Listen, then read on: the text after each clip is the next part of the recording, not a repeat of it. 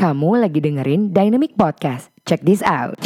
Get ready, dreamer, hustler, executor.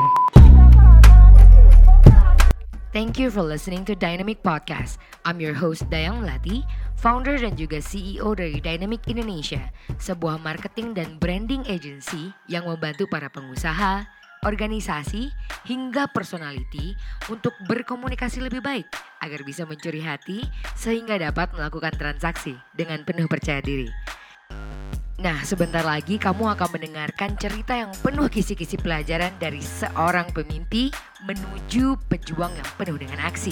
Agar segala keinginan gak hanya ke bawah mimpi. This is your Dynamic Podcast. Jangan ke bawah mimpi doang. Here we go. Hi, welcome back people. This is Dynamic Podcast with your host Dayang Lati and you are listening to again pastinya Dynamic Podcast supported by Dynamic Indonesia. Jangan ke bawah mimpi doang. Nah, teman-teman kali ini kita uh, ketemu guys yang kalau menurut aku tuh sangat sangat menarik, sangat historical karena nih uh, teman-teman konten kreator Instagram nih pasti selalu bilang, "Eh, lu harus undang nih bang, uh, abang ini ke podcastnya Dynamic gitu kan." Uh, banyak banget yang bisa dipelajari dari branding apa segala macam dari konten Instagram, gimana membranding dan dia juga uh, dan dia juga lagi holding sebuah agency gitu. So please welcome our special guest of the day, Bang Jack. Halo Bang Jack, selamat malam. Halo malam Dayang, apa kabar? Baik, apa kabar Bang Jack? Ini lagi sibuk apa nih sekarang nih malam ini? Iya, kalau sekarang ditanya tiap malam sibuk konten, begadang oh, untuk sibuk konten. Wow. Kalau Bang Jack ya, sendiri ya. ini boleh kali ya kenalan dulu ya sama Dynamic Nation kali ya. Boleh. Silakan Bang Jack. Oke, hai Dyna- Dynamic Nation, namaku Jack. Jack itu inisial, nama lengkapnya Johan Alvin Kosuma. Jadi disingkat JAK, panggilannya Jack supaya lebih gampang diingat. Itu juga part of my personal branding. Eh, aku seorang branding consultant. Eh, aku bersama partner Selo Ang atau Christopher Angelo. Kami berdua start branding agency bernama JCK Enterprise, Jasa Cipta Kreasi Enterprise sejak tahun 2014. Mantap. Jadi ini tahun ke-6 kami dan kami sangat excited untuk mewarnai dunia kreatif di Indonesia. Bahkan tidak menutup kemungkinan kita punya visi semoga bisa juga go internasional seperti itu. Amin. Amin. Gila ini keren banget sih bang. Gua kan eh, ketemu lu, ketemu dapat akses ke lu itu eh, dari Bang Jul ya waktu itu ya. Dia Ya. cerita-cerita tentang eh, IMBC kayak em, eh, salah satu komunitas microblogging yang lumayan cetar saat ini di dunia perkontenan Indonesia. Cuman sebelum kita masuk ke situ, mau boleh dong cerita-cerita Bang Jack gimana sih seorang Bang Jack itu dipanggil Bang Jack dan kenapa lu jadi into banget into branding gitu? Iya. Gimana Bang ceritanya udah enam tahun ya gila. Dynamic aja baru satu setengah tahun guys. Ini udah enam tahun loh gila sih ini. Iya, iya. Mau dong ceritanya. Oke, oke. Dengan senang hati. Jadi sebenarnya kalau aku personal itu sudah hampir 10 tahun ya. Karena sebelum saya join sama Selo di membentuk JCK Enterprise itu aku udah ada agensi sendiri waktu itu. Jadi ada pengalaman lah kurang lebih hampir 10 tahun di dunia kreatif, dunia branding. Kenapa aku menjalani dunia branding? Ya pertama karena aku menyukainya. Jadi aku passionate sama bidang ini eh, aku suka sama dunia kreatif, suka pop culture, suka desain, suka eh, seni ya. Jadi hal-hal yang terkait dengan dunia kreatif itu aku suka. Itu yang pertama. Jadi kenapa aku ngerjain ini even sampai malam-malam, sampai apa mengalami banyak badai itu masih tetap survive, tetap eh, berkeputusan untuk menjalankan terus ya karena ya mencintai bidang ini gitu sih Dayang. Oh karena emang suka dengan hal yang berbau seni gitu ya Bang ya. Terus Yes. em, Oke, fine. Tapi kan kalau kayak gitu bisa dichannelin ke banyak bidang ya sebenarnya ya. Kenapa lu nggak jadi desainer gitu? Kenapa branding gitu? Dan enam tahun yang lalu kayak branding belum hype-hype banget deh. Itu gimana? Iya. How do you survive? Ya, jadi eh, sebenarnya kita justru memulainya dari desain sih sebenarnya. Jadi kita itu awalnya sebelum jadi branding agency seperti sekarang ini kita adalah sebuah desain studio. Jadi kita menerima jasa untuk mendesain logo, mendesain website, company profile dan lain sebagainya. Itu awalnya. Sampai satu ketika, ketika sosial media booming, itu kita memunculkan sebuah jasa namanya social media management. Nah, jasa ini akhirnya membuat kita itu ya tanda kutip menerima banyak project sehingga tim kita tuh berkembang. Nah, ketika kita menjalani social media management, akhirnya kita juga menyadari dalam menjalankan sosial media itu membutuhkan strategi. Dan strategi di sosial media ini sudah mendominasi dari strategi branding secara keseluruhan. Akhirnya ya udah kita berevolusi lagi menjadi branding agency seperti itu. Jadi ada perjalanannya gitu Dayang.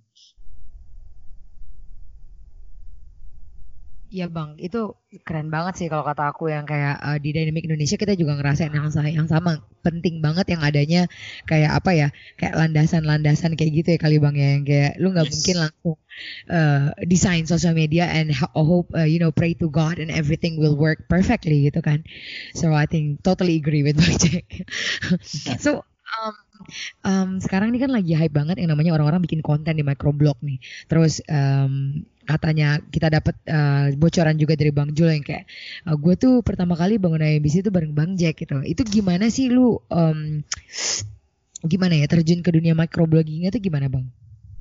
Oke, okay, jadi uh, aku udah dengerin ya, uh, by the way, podcastnya sama Bro Jul, uh, okay. sangat inspiring dan uh, cukup menghibur juga ketika dengerin podcast tuh waktu nyetir ya. Jadi kayak macet apa tuh nggak kerasa karena ya itu yeah. dapat ilmu baru dan memang membahas topik yang kita lagi sukai ya saat ini yaitu microblog.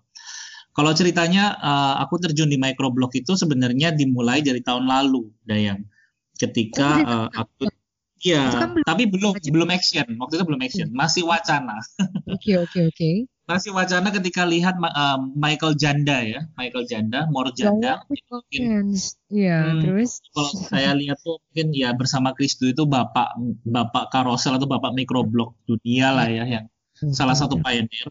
Betul. Saya tertarik dengan uh, layout dari Morjanda, bagaimana dia memaksimalkan slide uh, Instagram menjadi sebuah microblog atau carousel karena uh, sebenarnya kalau aku sendiri itu sebenarnya aku nih kayak generalis gitu loh Dayang. Jadi aku hmm. nih dalam bekerja kreatif itu tidak punya sebuah spesialisasi khusus.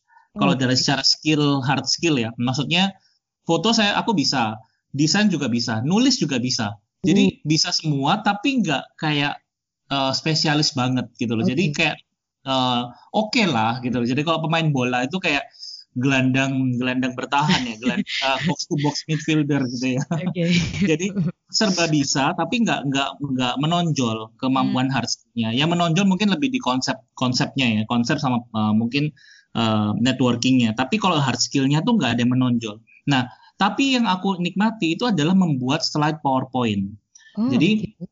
aku suka mengkurasi gambar-gambar bagus lalu aku bikin sebuah slide PowerPoint dan dipakai untuk presentasi, dipakai juga biasanya aku uh, buatin slide untuk pendetaku yang berkhotbah itu perlu hmm. bikin slide. Nah, biasanya aku yang bikin slide-nya. Jadi hmm. aku cari gambar-gambar yang pas dengan konteksnya dan orang-orang enjoy, orang-orang juga appreciate. Tapi kan nggak ada panggungnya. Okay. Istilahnya PowerPoint ya udah yang dipakai ya yang tahu ya orang-orang itu aja. Di sosial media dulu kan sangat uh, ini ya uh, mengagung-agungkan foto-foto yang estetik juga ya minimalis dan aku juga suka aku juga uh, eh, ATM hmm. juga melakukan itu. Tapi ya ya itu. Jadi kayak ya makanya secara follower juga gitu-gitu aja. Padahal aku Instagraman juga udah lama ya. Nah mungkin tapi karena nggak serius atau nggak konsisten yeah. jadi ya itu aja.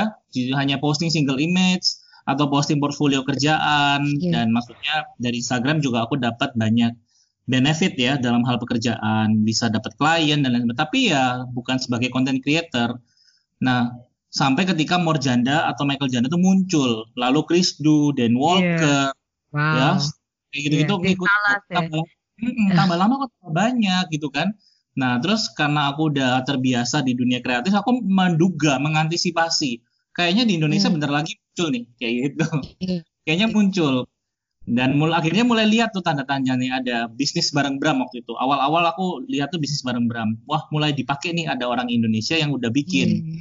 ya kan tapi belum semasif yeah. sekarang ya udah Hmm. tapi aku mulai mikir aku bikin nggak ya bikin nggak ya maju mundur gitu Dayang Iya. sampai satu ketika ketika pandemi ini ketika Aha. pandemi ya udah kan bisnis kan sempat stuck Iya. hampir sekitar bulan mau ngapain aja nggak bisa terus eh, melihat Nico Julius muncul terus Hmm. ada apa namanya Bang Ogut muncul jadi lo kok lumayan mulai banyak nih muncul Iya. orang-orang yang bikin blog gitu kan Iya. ya udah akhirnya aku putuskan untuk ya udah deh aku serius deh bikin satu coba terus ketagihan sampai sekarang gitu 4 April kalau nggak salah waktu itu Wow. Amazing. Apa dari bulan 4 April ya Bang ya? Udah mulai uh, serius bikin kontennya ya. Tapi ini Ya. kalau aku lihat-lihat em, apa sih namanya kita ngomongin langsung ke strategi kali ya untuk teman-teman di luar sana uh, Yes. gimana uh, sebenarnya rasa ragu-ragu itu tuh emang wajar ya Bang ya kita punya ya.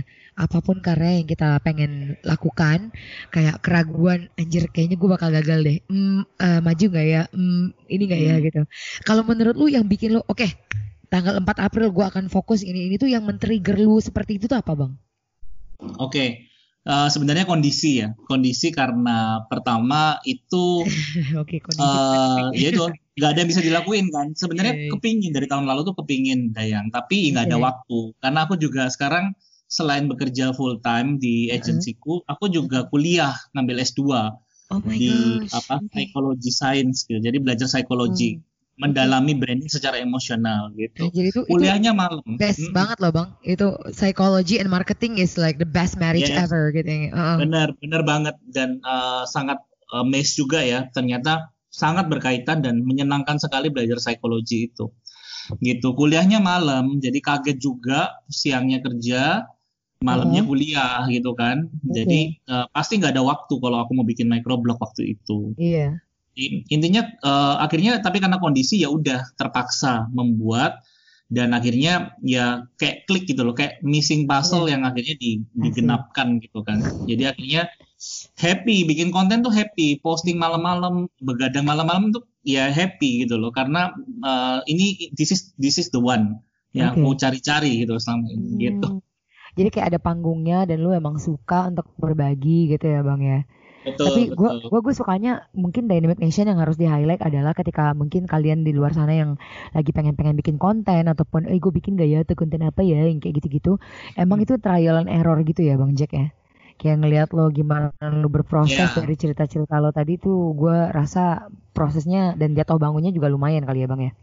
Ya, kalau dalam dunia microblog sendiri itu sebenarnya mungkin aku bisa kasih dua skenario lah ya. Jadi intinya kalau untuk aku pribadi memang bukan lebih ke coba-coba, tapi karena dari tahun lalu itu udah ke- udah pengen buat dan karena ada keinginan sebenarnya ide-ide itu muncul terus dan aku udah kurasi ide-ide itu. Jadi somehow ketika aku memutuskan untuk bikin itu ide-ide yang sudah aku kurasi, udah aku simpen dulu tuh keluar semua dan tinggal dieksekusi, tinggal Wow. direalisasikan itu Hmm. yang kalau memang baik persiapan atau memang eh, kerinduan dari beberapa waktu yang lalu ya.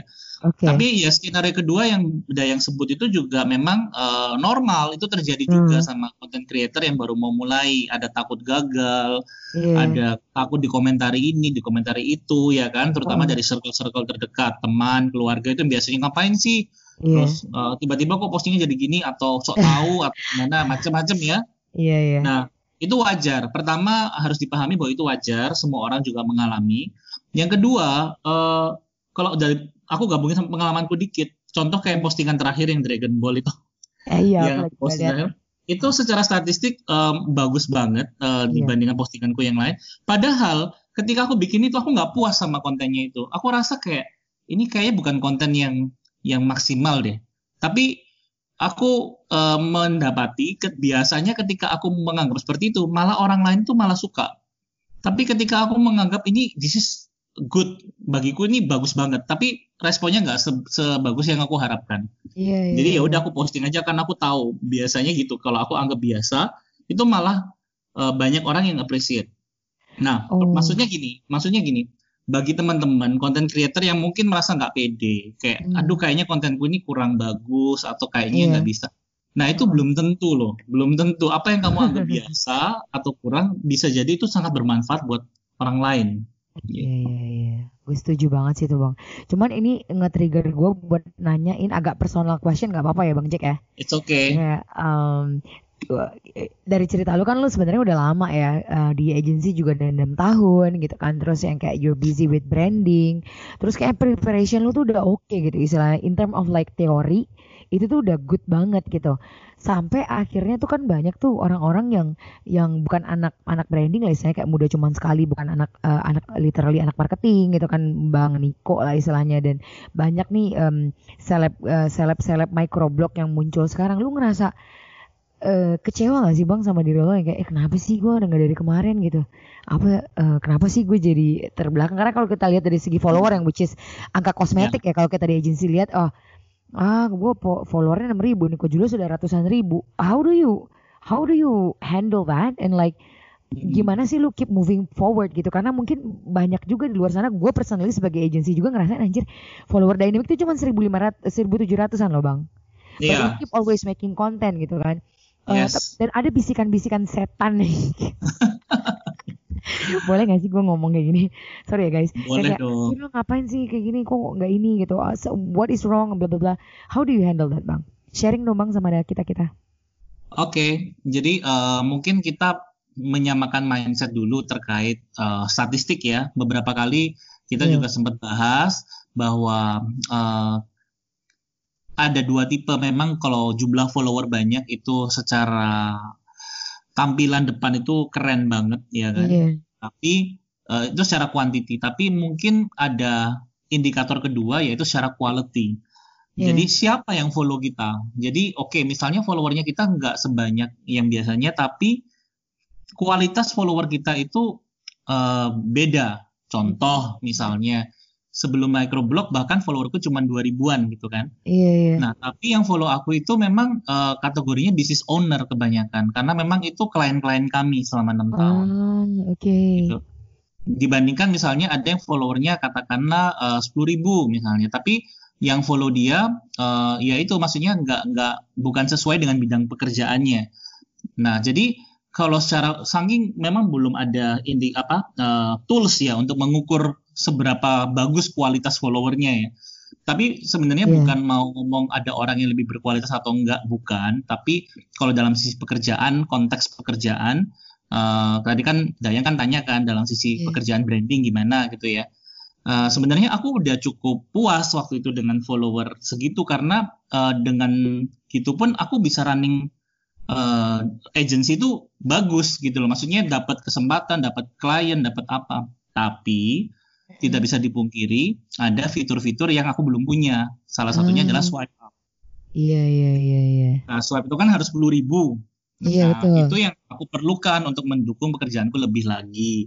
Hmm. Makanya sekarang ini ya jujur uh, rajin posting tiap hari, tiap malam itu juga hmm. supaya uh, segera dapat 10k dan bisa swipe up. Jujur untuk mendukung uh, pekerjaan ya mm-hmm. kita bisa swipe up dan lain sebagainya. Nah kalau terkait sama kayak uh, orang-orang yang non branding yang bisa bikin konten, yeah. bikin konten sudah famous duluan, menurutku yeah. mereka itu sebenarnya orang branding. Jadi mm. gini, branding orang branding itu sebenarnya kadang-kadang uh, tidak dibatasi oleh pekerjaan punya branding agency atau dia menaruh titel branding konsultan di kartu namanya. Enggak juga, karena apa pun kre, uh, profesi orang tersebut dalam dia itu sebagai apa namanya dalam dunia digital maupun dalam dunia kreatif sebenarnya dia uh. tuh sedang membranding dirinya sendiri juga dan uh. dia juga melakukan branding tersebut. Iya iya. Contoh setuju, setuju. Uh, dengan Bang Ogut, Bang Ogut minggu lalu sempat share di komunitas kami KMBC itu, yeah. itu luar biasa banget. Dia sharing itu semua dia share tuh ilmu-ilmu branding banget gitu loh dengan yeah. caranya ya, dengan uh -uh. caranya yang asik, yang cool, yang yang apa namanya apa adanya itu yang dia share itu sebenarnya semua teori branding gitu. Gitu. Jadi uh, itu pertama. Terus Nico Julius juga kebetulan Sabtu kemarin habis webinar bareng sama Iniji salah satu influencer dari Surabaya juga. Kita bertiga bikin webinar khusus bahas tentang uh, personal branding di Instagram. Okay. itu waktu ketemu sama Nico diskusi makan siang bareng itu yang dia bicarakan semuanya juga teori branding. Jadi sebenarnya orang-orang yang sudah berhasil di dunia Instagram dalam dunia microblog itu juga bukan karena satu malam aja ya, tapi mereka ya because they they are good because they are good what uh, in their uh, in what they're doing. Iya. Gitu. Jadi karena mereka memang bagus ya kalau mereka punya 100 ribu follower apa segala macam karena memang mereka deserve gitu loh karena memang Mm-mm. pertama mereka memang bagus mereka kreatif bikin konten uh, tepat sasaran dan yang kedua ya mereka konsisten yang luar biasa itu yang paling sulit Hmm. sebenarnya konsistensi yang luar biasa. benar benar Iya, kalau mereka sampai bisa melewati sampai beberapa tahap dan sampai sekarang di posisi mereka sekarang ini itu ya karena mereka deserve gitu. they deserve it because they really fight. Yes, Iya. because they're good. Iya iya iya, itu gue setuju banget karena em, karena kenapa sih Dayang nanya kayak gini ke Bang Jack? I believe kayak banyak banget nih orang-orang di luar sana yang ngerasa anjir sebenarnya gue tahu ilmu kayak gini, sebenarnya gue juga udah tahu kayak gini, tapi kenapa ya gue nggak bisa kayak dia gitu. Eh, honestly gue, gue sometimes juga ngerasa kayak gitu Bang Jack kayak ngobrol gitu kan Iya. sama anak-anak di agency gitu kan, anjir kenapa ya kita kayak ada juga kan yang kayak Gilang, terus Bang Jul, Mm-mm. terus Ya. uh, teman-teman uh, IMBC yang aku kenal lainnya dan mereka tuh sangat baik-baik gitu yang kayak mereka tuh Ya. always sharing dan segala macam gitu-gitu so um, I think I would like to say thank you to you and Bang Jul gitu yang udah bikin komunitas itu gue ngerasa homey banget ya to be very honest gue jauh-jauh di Pontianak terus kayak I felt like even though I'm not joining the community yet Yeah. karena gue telat kemarin but you make a very good impact loh Bang so thank you so much ya Bang ya Thank on you, behalf of. Dynamic Indonesia Iya, iya. iya Our So- pleasure dan that's the beauty. Kita happy banget. Maksudnya Uh-huh. sekarang kemarin ada eh, ini apa namanya satu microblogger dari Papua. Itu yang kita nanti nantikan. wow Karena kemarin dari Oke. Sumatera ada Kalimantan, ada Sulawesi, ada Jawa, ada Hmm. apalagi ya kan. Iya, Terus iya. dari apa Labuan Bajo ya sempat ada Iya, kalau nggak iya, salah. Terus tiba-tiba ini Papua kapan nih Papua? Muncullah microblogger Papua. Wah, kita happy Iya, banget. iya. Gila, keren banget sih itu. Duh, anyway, so today kan kita bakal ngomongin tentang microblogging dan how we actually strive ya Bang ya. Dan Ya. kita excited banget ngomong sama Bang Jul ini, eh Bang Jul lagi Bang Jack hari ini karena eh, kita bakal lebih detail ngomongin tentang problem-problem dan hasil-hasil yang yang yang dihadapin lah sama microblogger sekarang gitu. Yes. Salah satunya adalah frustasi. Kayak eh, tadi kan Dayang udah singgung dikit kan kayak pemikiran-pemikiran seperti itulah istilahnya gitu. Eh, yang bikin mereka marah kok bisa sih eh, perasaan yang mungkin cuma dipendam sendiri lah istilahnya gitu kan. Em, dan bagaimana sih kalau menurut Bang Jack kayak em, kita nih em, apa ya gagal dalam memilih niche konten gitu. Kayak gagal dalam mengkurasi konten. Karena kayak aku juga kemarin interview introvert em, introvert gaul ya kalau nggak salah. Yes. because he changed so much in term of like content gitu. Kayak gila dia ganti konten tuh berkali-kali. So kalau seandainya nih kita yang uh, konten kreator Instagram pemula lah istilahnya gitu kan. So we we kita udah bikin konten and seem, it seems like it doesn't work gitu istilahnya. And uh, ada nggak saran dari dari Bang Jack gitu? Um, how do we actually face this problem? Yes. Ngomong-ngomong tentang introvert gaul, Sabtu ini aku juga interview untuk podcastku juga. Oh, wow that's amazing that's amazing Ya kita juga Okay. ada podcast namanya Pintership itu juga Oh, sama eh, kita tapi bukan lebih ke microblog lebih macam-macam ya. Ya termasuk Uh-uh. microblog ya dunia kreatif lah, dunia kreatif Iya. entrepreneur. Ya nanti kapan-kapan Dayang bisa dengerin juga di Spotify. Aku langsung do- aku langsung follow nih di Spotify nih. Oke. Thank you, thank Uh, you. udah thank you. 15 episode ya. How to reveal Ya. creativity blind spot. Oke, nice. Oke. Yes. eh, Guys, itu tolong sama go to Spotify, Spotify ya, Pintership langsung follow guys. Karena gue udah. Dan juga ke ini ya podcastnya Dynamic Indonesia loh. Ya, pastinya dong. Dan Nation. Keren banget namanya. Aku suka bumper in-nya. Terus apalagi suaranya Dayang yang khas Aduh. banget. Nice. Oke, Thank you, back to laptop Uh-uh. ya. Back to Oke. laptop. Hmm. Eh, mungkin gini. Jadi teman-teman microblog, eh, ketika kita mem- memproduksi sesuatu ya, atau memproduksi konten, itu kan kita keluarin dari dalam keluar, betul ya? Iya. Eh, apa yang ada di dalam itu menentukan apa yang kita produksi juga. Hmm. Contoh, misalnya kita bete, kita down, kita sirik atau kita mungkin irik iri dengan eh, pencapaian dari microblog lain. Berarti otomatis di dalamnya kita kan nggak beres. Sehingga Wow. ketika kita bikin konten, yang keluar pastinya juga tidak maksimal. Benar ya? Oke. Karena aku percaya sih konten itu kayak bawa vibes. Dan Oh, ketika oke. kita produksi konten, itu kan pasti akan ada feedback. Entah itu ada Iya. orang yang komen, ya kan?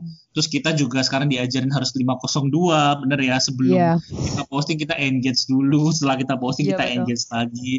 Bayangin kalau dalamnya kita tuh nggak beres, terus kita posting konten, isinya juga mungkin kebawa, nggak beresnya juga atau nggak bisa kasih vibe yang bagus, terus kita engage sebelum dan sesudah kita produksi konten juga dengan kondisi hati atau vibes-nya nggak bagus.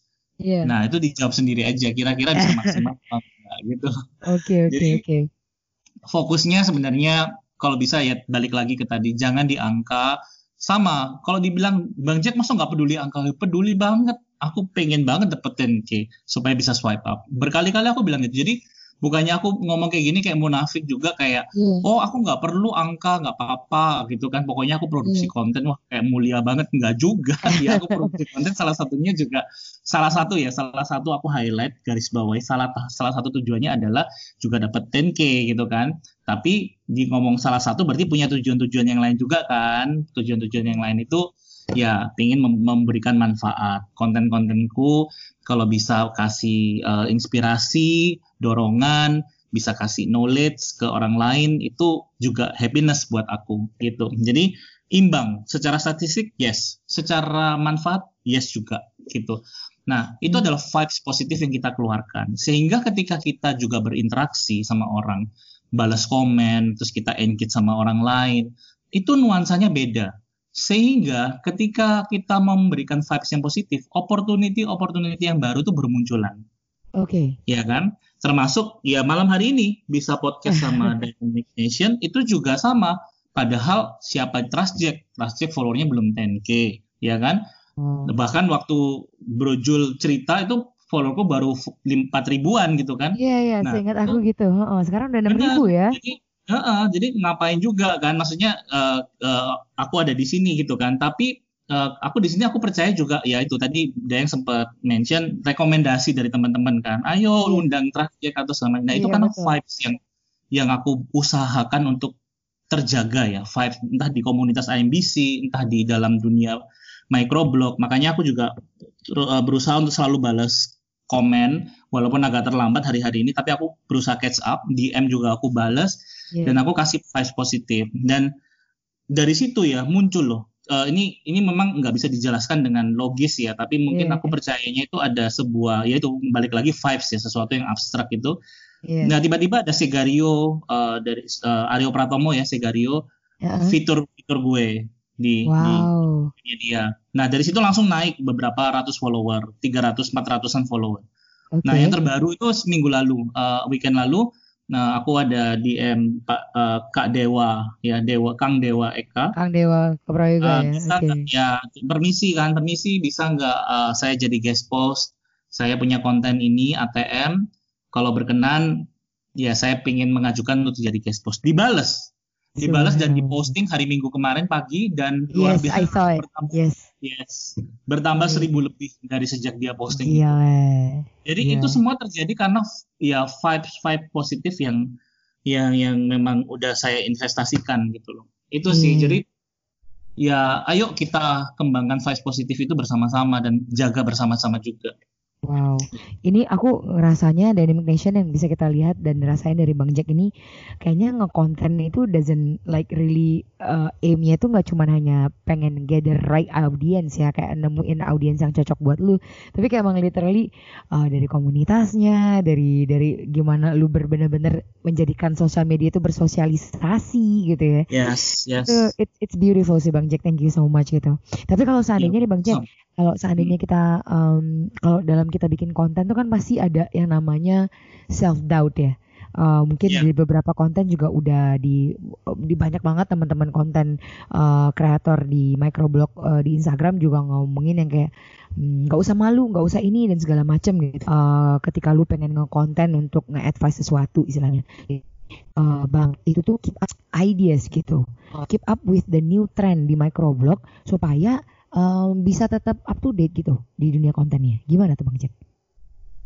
Oke, jadi eh, pertama memang kita punya purpose dulu yang jelas ketika kita bikin konten.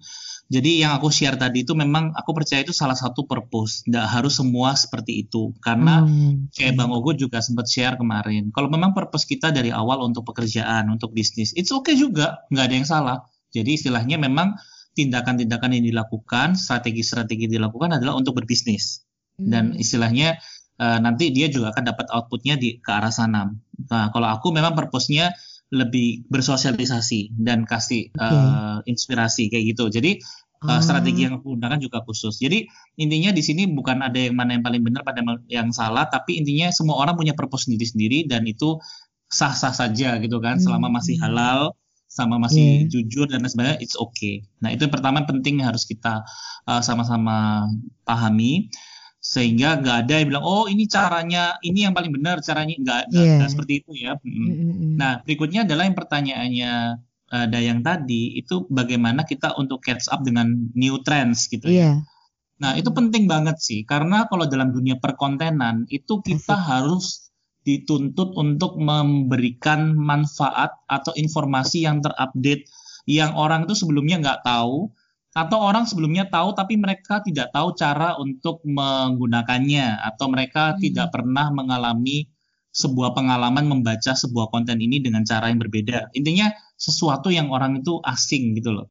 Nah, itu kita Hmm. harus provide. Nah, eh, kemarin aku sempat mengembangkan sebuah pemahaman mengenai pemilihan niche ya atau niche Iya. itu biasanya orang bilang. Bacanya niche atau niche sih sebenarnya penyebut Niche. penyebutannya Niche. niche ya. Eh, Hmm, Oke. Jadi kita tuh harus punya dua sebenarnya. Iya. Satu Oh. adalah eh, yang menjadi niche utama kita. Jadi misalnya kita itu adalah seorang eh, desain graphic designer yang konten Iya. kita adalah memberikan tutorial Adobe Photoshop gitu kan. Iya. Itu niche utama kita dan kita reguler posting itu. Tapi kan nggak mungkin kita posting itu aja. Pertama, kita sendiri bisa bosen. Yang kedua, follower kita juga bisa bosen kalau kita itu-itu aja. Nah, Betul. Makanya kita perlu punya niche tambahan. Saya Hmm. bilangnya niche sekunder ya. Oke. Niche sekunder itu adalah hal-hal yang terkait dengan microblog itu sendiri.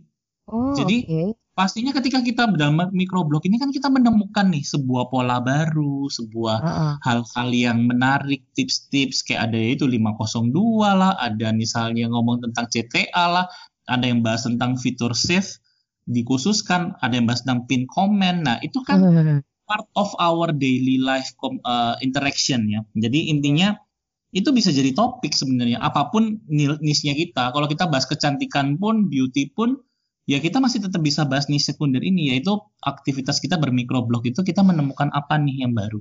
Dan itu yang Iya, kita iya. share.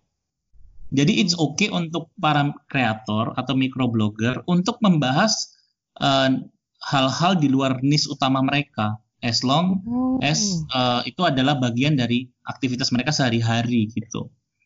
Oh, jadi nggak apa-apa niche-nya yang penting dari aktivitas sehari-hari. Ini ini juga sih Iya. kebanyakan yang pemilihan niche ini ya Bang yang kayak merasa mer- merasa bersalah karena yang kayak Mm-mm. atau merasa ragu gitu kan. Oh, gue padahal kan suka lari tapi juga suka makan. Nah, itu gimana tuh ya kalau Nah. kontradiktif kayak gitu deh. Bener, no sih, problem. Jadi awalnya mungkin aku juga banyak bahas branding, branding semua tuh yang aku Iya. bahas semua full branding. Tapi Heeh. uh, aku merasa bahwa uh, aku nggak harus selalu bahas itu sih. Itu memang utamaku. Aku uh, istilahnya memperkenalkan diriku sebagai branding consultant gitu ya. Iya. Tapi uh, aku juga bisa kok bahas tentang microblog itu sendiri gitu loh. Makanya sekarang ini aku bahas banyak bahas mengenai microblog starter atau orang-orang yang lagi mau buat konten. Nah itu aku siapin toolsnya, aku bikin kamus microblog, aku bikin Wow. tips-tips bagaimana sih bikin mulai konten. Nah itu itu sebenarnya juga part of my personal branding sebenarnya. Jadi membantu microblogger baru untuk bisa create konten. Nah jadi nggak nggak meninggalkan niche utamaku enggak sekali-sekali aku masih tetap posting mengenai branding gitu. Oh, oke. Dan orang juga udah tahu kalau aku ini kerjanya branding consultant, aku ngerti tentang branding, tapi juga nggak ada salahnya aku bahas tentang digital marketing terkait dengan microblog gitu. Hmm, iya iya iya iya. Ini menarik sih Bang, tapi kalau seandainya mau balik lagi ke microblog yang menggunakan konten apa namanya akun pribadi yang dibikin akun bisnis lah contohnya ya. Apa sih Yes. nih kemarin yang dibilangnya Bang Jol tuh eh, alpha ya, eh akun personality ya jatuhnya ya. Iya, Nah itu tuh gimana tuh bang? Kalau seandainya akun pribadi kita juga kita pengen showcase kayak gue ini Yes. sebenarnya siapa in real life dan juga ada konten-konten microblognya itu tuh gimana ya mergingnya? Kalau menurut pendapat bang Jack kayak gimana? Mm-mm. Nah, itulah uh, serunya kita microblogging ya. Iya. Jadi ini uh, ketika aku membahas branding ataupun aku membahas tentang tips-tips microblog starter, aku selalu put personal story di dalam pembahasan. Ah. Contoh, misalnya aku bahas branding, aku pasti bahas pengalamanku handle klien-klien tertentu, Ah, oke. uh, dan aku jadikan studi case. Lalu aku benturkan dengan pop culture supaya menarik, aku juga benturkan dengan teori supaya relevan atau memang supaya bisa dipertanggungjawabkan. Itu yang pertama. Kalau aku bahas tentang microblogging starter, kan bahas tentang tips tuh. Nah, Aku Iya. ceritain juga bagaimana aku melakukannya juga, bagaimana aku gagal melakukannya. Aku ceritain, I put personal story di sana. gitu. Bahkan yang seru kemarin itu eh, kan lagi gencar tuh ketika aku lagi ngejar 10k pasti aku harus posting konten yang benar-benar mendatangkan statistik yang bagus ya. Iya. Nah tapi satu kali aku pengen banget sharing tentang kehidupan microblog di mana aku ini sering begadang dan ninggalin istri. Jadi aku begadang bikin konten kan di luar, di luar kamar, istriku di dalam kamar, Ah, gitu kan. Nah Ah. jadi, jadi istri juga kadang-kadang eh, komplain kan, maksudnya kayak aduh kamu kok tiap malam ini sih? Maksudnya eh, sibuk di depan laptop kok nggak Iya, bareng? Kan biasanya kita ah, quality time nonton bareng kayak gitu. Nah iya. sam- sampai satu ketika aku ngajak ngomong eh, apa ke istriku bahwa aku nih kepingin eh, dedicated beberapa waktu untuk supaya aku bisa 10k jadi aku minta izin kamu dukung aku supaya aku bisa create konten tiap hari sehingga aku bisa capai tujuan itu. Dan dia agree. Nah dari Wow. situ dari situ aku bikin sebuah topik sertifikat istri untuk microblogger supaya bisa begadang. Anjir itu kocak banget deh. Iya, dan itu Oke. akhirnya benar-benar rame. Memang nggak banyak yang save, nggak banyak Heeh. yang save, mungkin juga tidak mendatangkan follower, engagementnya Mhm. juga mungkin nggak sebagus kalau kita posting uh, tips-tips ya. Tapi Iya. komennya tuh rame banget, komennya Iya, rame iya, banget iya. dan banyak ternyata yang mengalami kondisi seperti saya gitu ya, suami-suami Oke. yang Eh, begadang bikin konten dan istrinya tuh protes gitu loh. Jadi Iya, relate iya. sama mereka dan akhirnya rame. Nah di situlah serunya akhirnya kita bisa kayak sa- saya baca komen itu senyum-senyum malam-malam. Saya tunjukkan ke istri nih loh lihat. Istri saya juga ketawa-ketawa gitu kan. Dan semua juga mengalami hal yang sama. Kita non, uh, baca konten ini baca komen-komennya itu semua pada senyum-senyum sendiri di malam hari Hmm. gitu loh.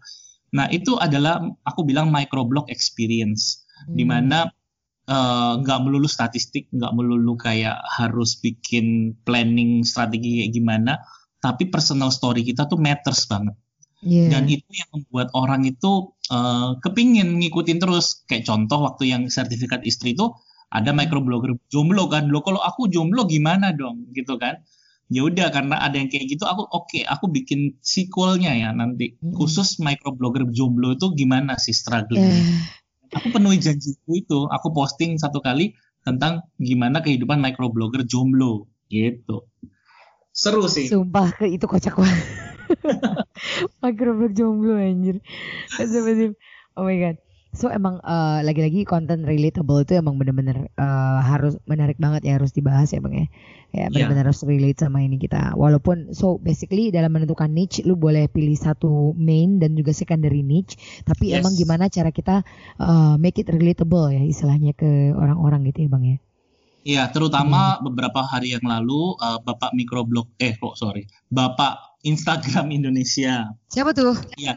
Namanya Boy Lagi, namanya Boy Lagi, akunnya @boylagi. Dia itu memang dari dulu dijuluki sebagai Papa Instagram. Dia sempat uh, ya mewakili Instagram pusat juga di untuk komunitas di Indonesia juga ya. Intinya dia punya komunitas juga namanya Instamit atau gara-gara Instagram. Ba- lihat aja Boy Lagi B O Y L A G I. Boy Oh, Lagi Oke. udah udah udah pemain lama dia udah kayak senior legend lah di dunia Instagram saya kenal saya juga partner saya juga kenal dekat dan sempat juga eh, maksudnya kayak diskusi mengenai komunitas Instagram ya nah dia itu memang punya komunitas lebih ke arah eh, anak-anak Instamit biasanya itu mereka tuh lebih ke fotografer Ah, jadi foto-fotonya tuh estetik banget, minimalis, bagus lah. Lihat foto-foto anak-anak Instamit tuh eh, sejuk-sejuk gitu ya. Nah, sejuk-sejuk mereka ya. sangat gede. Hmm, di komunitasnya mereka luar biasa, sudah uh, benar-benar nasional lah kelasnya.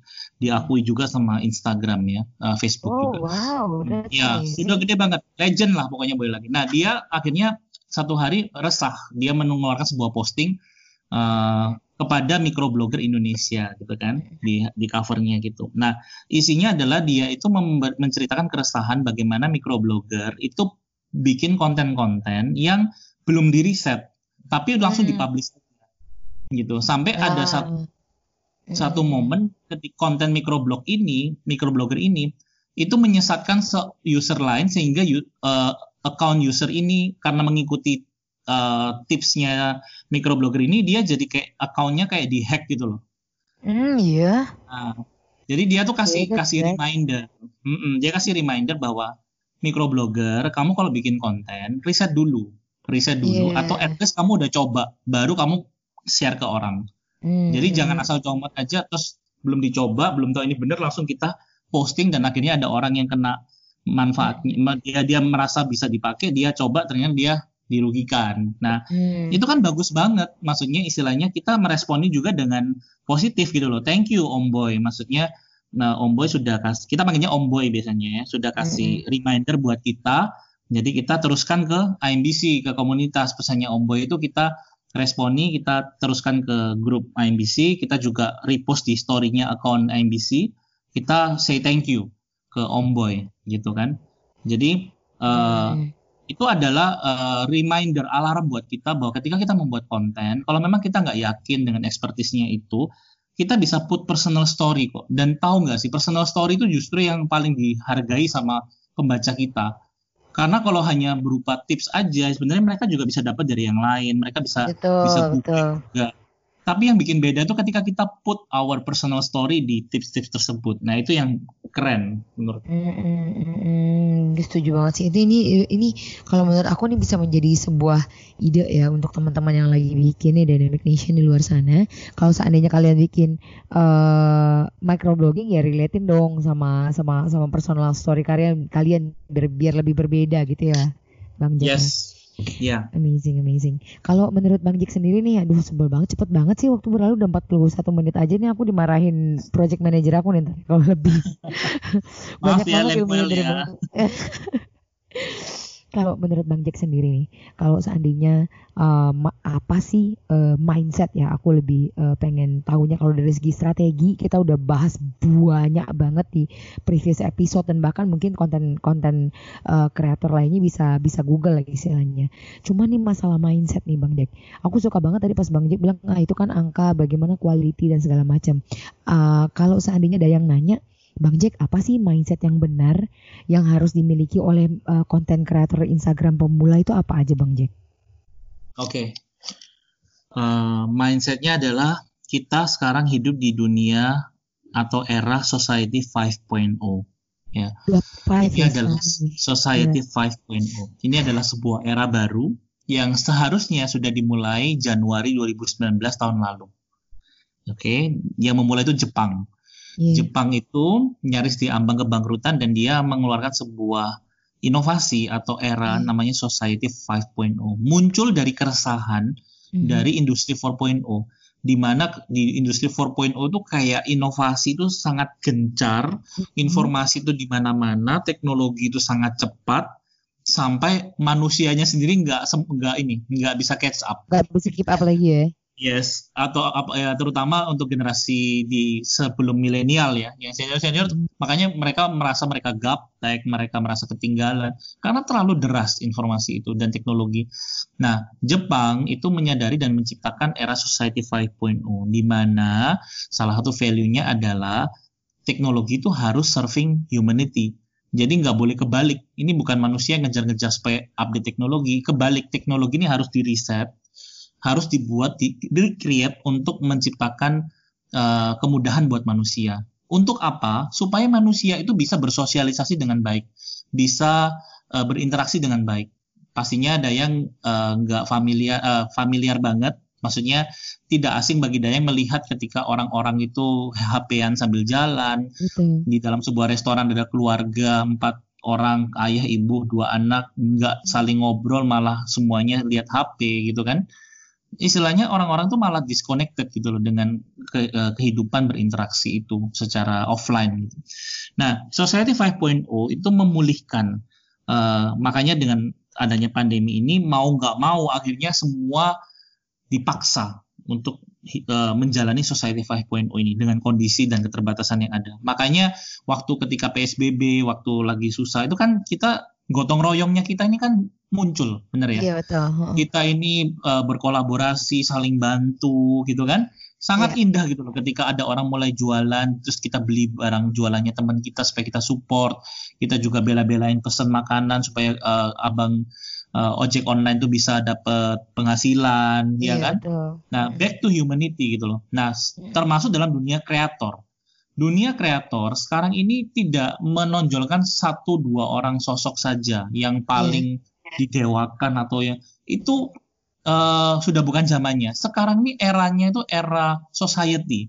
Mm. Contoh misalnya di dalam microblog sebenarnya bukan sosok orangnya yang hebat, tapi mm. sosok komunitasnya yang bikin mikro dunia microblog keren ini kan karena komunitasnya, Dayang, bener nggak? Betul betul betul. Karena banyak orang yang yang apa mengerjakan microblog, banyak orang yang tiap hari sharing ilmu sehingga kita pun dengan mengikuti mereka, kita pun dapat tambah lama tambah pinter. Kita kita kita dapat ilmu baru terus gitu loh setiap hari ketika kita baca konten dari teman-teman kita. Tidak peduli followernya berapa. Bahkan ada follower yang di bawah seribu pun kontennya juga bagus-bagus dan bermanfaat. Aku juga sering save gitu loh. Iya. Aku sering save konten-konten bahkan dari follow uh, kreator-kreator yang bukan puluhan ribu atau ratusan ribu gitu. Jadi intinya sekarang ini eranya uh, society di mana semua orang bisa saling menginspirasi, semua orang bisa melakukan segala sesuatu bersama-sama. Itu indahnya sih.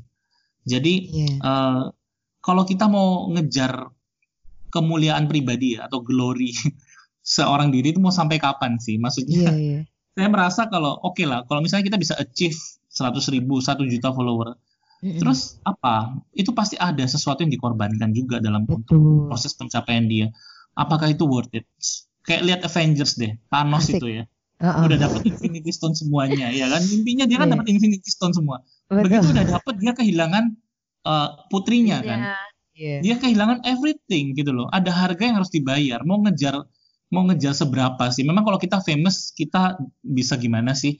paling ya kita juga sama aja dengan manusia lainnya. Mungkin kita banyak opportunity, yes, tapi uh, it, apakah itu worth it dibandingkan kebersamaan, dibandingkan uh, manfaat yang bisa kita berikan ke orang lain? Itu itu yang sebenarnya nggak ada nilainya gitu loh. Itu itu luar biasanya di sana. Era hmm. society 5.0 gitu. Jadi uh, hmm. terimalah gitu loh. Kita ada lagi di dunia hmm. itu dan ini kita bukan cari kejayaan pribadi tapi kejayaan masyarakat, kejayaan wow. komunitas Gitu. Wow, wow. Ini uh, ini emang berkaca banget sama culture-nya Indonesia juga kita ada yes, apa wilayah exactly. ketimuran ya Bang ya kayak we like gotong royong, we like uh, yeah. you know societies, uh, culture yang kayak gitu-gitu emang udah mendarah daging dari sononya ya. Jadi susah mm -hmm. banget buat dirubah gitu. Anyway, so uh, I think we are already at the end of our interview today. Kalau menurut Bang Jack nih, tiga hmm. hal yang harus dilakukan oleh konten uh, kreator pas lagi bingung. Nah, gue suka nih kayak gini-gini nih. Bingung nih konten kayak gimana gitu. Apa aja tuh Bang Jack? Ada petanya nggak yang bisa di-share ke kita? Oke, okay. um, kalau bingung, hmm. kita buka kembali ya ini apa simpenan kita, simpenan ide. Jadi aku selalu kayak dalam konten-kontenku dalam tips-tips bikin konten itu aku selalu encourage uh, teman-teman untuk simpan ide ya harus simpan ide, apa pun itu ditulis. Jadi kalau bingung tinggal lihat itu sebenarnya. Kalaupun nggak sempat ditulis, aku yakin dalam pikiran tuh pasti ada simpenan. Nggak mungkin kayak ngeblank sama sekali itu nggak mungkin. Gitu.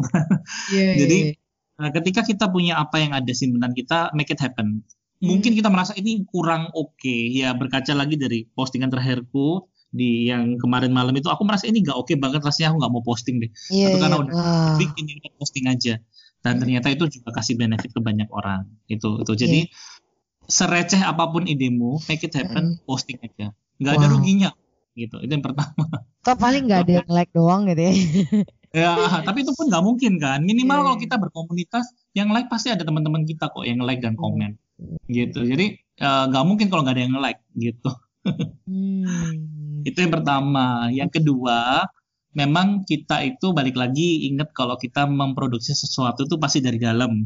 Jadi, Hmm. nah kita harus memastikan uh, kondisi inner life-nya kita ya itu itu harus tetap positif uh, intinya dan juga kita ini tanda kutip harus menambah banyak referensi.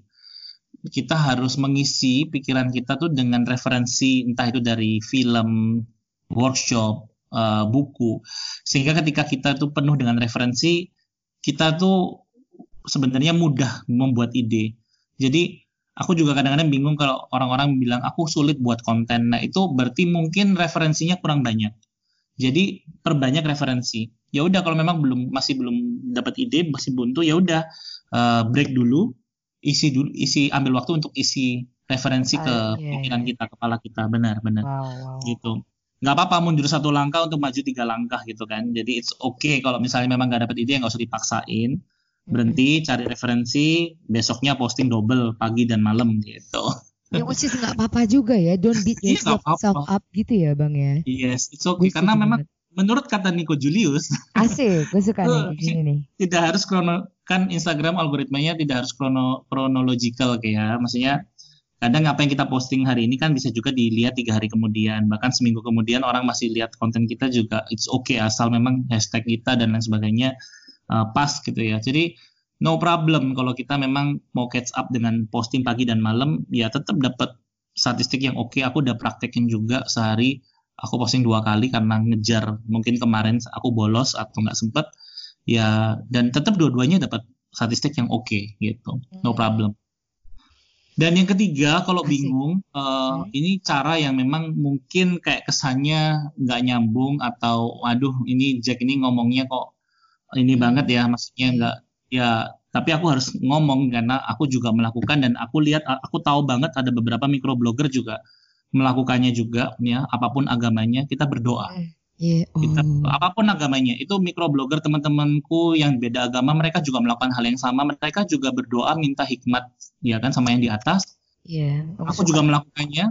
Ya aku melakukan. Jadi kadang ide itu memang benar referensi itu bisa jadi sumber ide kita ya. Tapi Iya, kita pasti pernah mengalami kita tuh bisa mengeluarkan satu ide brilian yang bahkan kita nggak kepikiran sebelumnya. Bahkan itu nggak berasal dari referensi film nggak berasal dari referensi buku tapi ide itu muncul aja. Nah itu aku yakin memang yang di atas juga kas- bisa kasih kita berkah atau berkat iya. yaitu kreativitas gitu jadi kalau bingung ya udah berhenti tenang doa dialog sama yang di atas minta tolong aku minta ide untuk aku bikin konten. Itu luar biasa sih. Even kita kayak berkreat apa ber eh, sosial media ini pun ini kan sudah jadi bagian dari kehidupan kita ya. Bukan hanya makan eh, in- pekerjaan microblogging atau eh, kalau kita memang serius di content creator Iya. ini penting bagi kita. Jadi pasti kita juga doain kan. Kita doakan Iya. supaya kita yang kita lakukan itu juga ada ada berkatnya gitu ada berkahnya gitu kan Iya. ke orang lain juga. Dan itu vibes mungkin yang aku bilang nggak bisa diukur dengan matrix, nggak bisa diukur dengan insight, tapi Iya. itu vibes itu nggak bisa dibohongi sih. Itu Hmm. bisa dirasain sama orang. Gitu. Hmm. Jadi tiga, Iya. uh, uh, kulik kembali simpenan ide kita yang pasti ada, bahkan sereceh apa pun itu pasti ada dan kita make it happen. Yes. Yang kedua kita berhenti sejenak, mundur satu langkah untuk maju tiga langkah dengan mengisi referensi dalam pikiran kita. Dan yang ketiga, last but not least, kita berdoa untuk minta uh, kreativitas dari yang di atas supaya kita bisa produce konten. Gitu. Oh, wow, this is so deep and and amazing, of course. Um, tapi aku nggak akan sign off, maaf ya Mon ini agak lama karena ini semuanya daging semua Mon. Uh, bisa share nggak Bang Jack uh, ke kita uh, mungkin kayak tiga referensi Instagram untuk micro uh, apa namanya untuk konten konten konten kreator di Instagram yang bisa kita cek untuk microblog ya. Ada Oke, oke. referensi-referensi Jadi ini injury time ya. Tadi bukan Eh, yang iya. terakhir ini. Iya. Ada terakhir lagi. Sorry, sorry, sorry. Oke. It's okay, it's okay. Aku happy banget untuk bisa share. Ini tiganya harus lokal atau interlokal nih? Eh, yang menurut rekomendasi Bang Jack aja, ini bebas sih. Kamu mau Oke, yang oke. internasional or ini boleh. Oke, jadi eh, mungkin aku kalau boleh jawab, aku jawab lokal dan interlokal aja ya. Tiga-tiga boleh ya, supaya adil. Dan memang aku juga Ah. aku konsumsi ke- keduanya sih. Jadi Oh, perfect. yang uh, di luar Indonesia juga aku konsumsi pasti terutama Morjanda ya. Morjanda yang aku Ooh, yay. jadi benchmarkku. Aku uh, senang dengan personal brand dia, uh, secara dia sharing. Aku suka Morjanda itu yang pertama. Yang kedua Dean Walker. Dean Walker itu aku follow dia walau uh, dari dia masih ribuan, jadi belum sampai puluhan ribu atau mungkin sekarang udah 100 ribu mungkin ya Dean Walker ini. Itu jadi uh, kerennya Dean Walker ini adalah karena aku ngikutin dia tuh dari di bawah 10 ribu masih ya sekarang dia udah 126 ribu ya.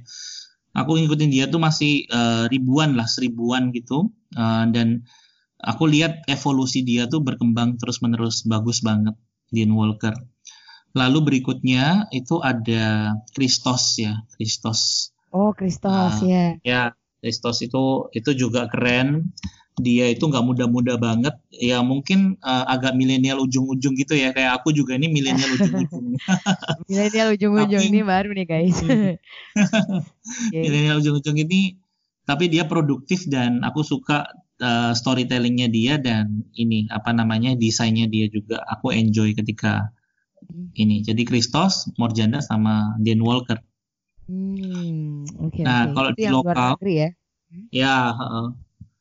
Kalau di lokal sebenarnya yaitu sebenarnya kalau di lokal aku nih sekarang lagi enjoy berkomunitas. Sebenarnya kayak tadi aku bilang sama Dayang bahwa aku dapat inspirasi aku nge-save konten-konten itu itu dari semua or eh, hampir semua orang yang intinya memang kontennya dia tuh ber, berkasih value gitu loh. Jadi Hmm, oke. eh, kalau di pilih tiga ini agak susah buatku jadi see. supaya adil, aku akan memilih konten eh, kreator di luar IMBC karena Oh, yang aku kebanyakan tuh sama IMBC itu eh, sangat ter apa saling terinspirasi, menginspirasi dan diinspirasi gitu. Tapi di IMBC ini terlalu banyak orangnya yang aku dapat inspirasi. Jadi supaya adil, aku akan sebut nama yang di luar IMBC oke. gitu ya. Sip. Nah, yang di luar IMBC mungkin yang setauku semoga aku nggak sebut nama yang ternyata dia udah join tapi aku nggak tahu. Sebelumnya saya minta maaf. Tapi kalau memang harus ini eh, sebut itu Eldo ya, Bro Eldo. Oh, oke. Eldo Up ya. Eldo Up ini eh aku suka kontennya dan desainnya. Jadi dia itu kalau bikin konten tuh eh, niat dan totalitas. Iya. Aku karena aku juga ngerti desain dikit-dikit, aku tahu effortnya dia ketika bikin desain ini tuh aku tahu banget berapa lama dia bikin kurang lebih aku bisa tahu kalau dia ini kerja keras untuk create ini. Dan yang paling aku suka tuh dia tuh punya cara yang unik untuk meng, announce achievementnya dia. Biasanya kan orang announce kan 1000, 1K, 2K, 10K gitu kan. Kalau dia itu kalau announce tuh eh, unik. Jadi kalau dia dia nggak bilang 10.000 tapi dia bilang 10.064 gitu. Kalau misalnya dia 7.000 dia bilang Oke. 7.504 atau 5.436. Jadi dia selalu cari cara yang baru untuk eh, ini ya, apa namanya? produksi konten ya. Eh, announce announce achievementnya Oke. dia dengan cara itu itu Eldo up. Lalu yang kedua itu melukis slide. Bang Bung Andi, melukis Hmm. slide. Melukis slide ini aku kagum. Mm-mm, aku kagum karena dia ini kan kalau secara usia nih maaf ya ya bukan me- menyinggung usia yang sensitif tapi aku kagumnya ya dia istilahnya eh, aku nggak tahu umur pastinya berapa ya tapi kemungkinan dia kan senior dia senior. Tapi eh, desainnya dia dan vibes-nya dia nah ini vibes ini sangat penting banget. Itu kayak anak-anak muda gitu loh jadi dan dia itu luar biasanya mendesain itu pakai PowerPoint. Ini aku Hmm. mind blowing karena kok bisa ya PowerPoint bisa desain kayak Photoshop kayak gini gitu loh. Iya. Jadi eh, apa namanya? Aku eh, kagum sih sama sama melukis slide ini. Jadi eh, kemarin juga sempat di MBM-an, komen-komenan dan vibes-nya dia positif. Eh, pingin banget belajar eh, banyak dari Bung Andi juga itu. Mhm. Lalu yang ketiga, memang ini nama yang sudah sering disebut, yang luar biasanya ketika MBC itu, waktu itu kan kita sharing, apa yang membuat kamu microblog, nama ini selalu disebut. ya, siapa lagi kalau bukan Ah, Julius ya, Nico Oke. Julius. Selalu ya. Nico Oke. Julius, jadi eh, memang aku beruntung juga karena tinggal di satu kota, Surabaya, jadi akhirnya bisa bertemu Iya. langsung di beberapa kesempatan even kemarin weekend sempat lunch bareng dan discuss Oke. dan ketika kenal di online maupun di offline ya ya confirm orangnya memang pinter eh, di online pinter di offline ketika diskusi juga pinter. Dan ternyata ketika mengenal lebih lanjut dia punya banyak eh, harapan-harapan atau mimpi-mimpi yang yang positif banget untuk untuk masyarakat Indonesia. Jadi Hmm. uh, impress sama personality-nya dia juga. Bukan hanya kemampuannya atau kontennya atau 100.000 ribu followernya yang ke atas itu tapi Mm-mm. karena personality-nya gitu jadi nggak bisa diobo nggak bisa dibohongi microblogger yang keren secara online itu kemungkinan besar secara offline mereka juga keren. Hmm. tapi alangkah baiknya Setuju. kalau kita bisa kenal mereka secara offline itu kita bisa lebih confirm gitu Mm-mm. Okay, wow, amazing. I think we have already six uh, recommendations. Uh, Yes. Dan thank you banget ya Bang Jack udah mau nyempetin waktunya bahkan sempat delay tadi ini ada something happen iya juga nih di aku Pontianak. tadi sempat jadi nggak ini ya tapi it's okay Thank you so much uh, for your you're time. welcome Uh, maaf kalau ada kata-kata yang salah tapi literally gua uh, belajar banyak banget Bang dari Bang Jack Uh, berasa Thank banget you. ketulusan ketulusan pengen berbagi, pengen bentuk komunitasnya. I can feel your apa ya? Sincerity gitu lah istilahnya asik. Yeah. so uh, keep uh, semoga bisa catch up lagi nanti sharing-sharing ya sama Bang Jack juga, sama Bang Jul yang semuanya yang dengerin dari komunitas IMBC. Uh, sampai ketemu semoga nih minggu depan aku bisa ikut nih komunitas komunitasnya. Yeay. Yeay. yes aku juga uh, baru Agustus ini uh, because I feel the crisis juga nih sebenarnya bang bang Jack. Kayak I Yes. want to make content dan you know kalau jadwal agency itu kayak gimana kan istilahnya Yeah. gitu with all the things gitu. Dan gue setuju banget pas lo bilang yang kayak ya mereka bisa nyampe segitu karena mereka udah go to the war gitu. Karena mereka udah perang dengan nama yang konsistensi. So for all of dynamic nation my last uh, recommendation for all of you stay consistent stay pos- positive and stay productive. Uh, saya Dayang Melati dan trust Jack Asik, kesuka nih. Sampai ketemu di episode berikutnya. This is Dynamic Podcast. Jangan ke bawah mimpi doang. Bye semuanya. bye